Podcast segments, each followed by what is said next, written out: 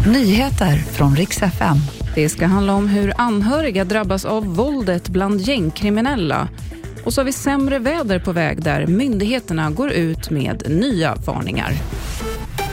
Anhöriga till gängkriminella ber om hjälp. Ja, skräcken sprider sig bland anhöriga och många hör av sig till polisen för att få skydd efter att tre anhöriga till gängkriminella har dödats bara de senaste dagarna.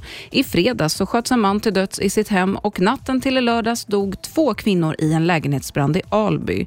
Branden var anlagd och kopplad till gängkonflikterna i Stockholmsområdet.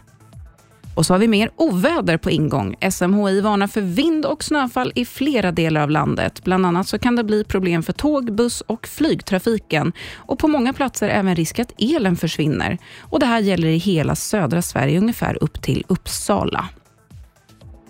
Företaget Victoria's Secret är kanske mest kända för sina spektakulära modeshower där de visar upp underkläder. Men de fick mycket kritik också och för fyra år sedan så la de ner hela modeshowen. Men nu meddelar de att Victoria's Secret Fashion Show är tillbaka senare i år. Den nya showen ska följa deras nya riktlinjer med uppdraget att stärka kvinnor. Och exakt vad de menar, ja, det har de inte berättat än, men det ska bli spännande att se. Det var nyheterna med mig, Sofie Hodén.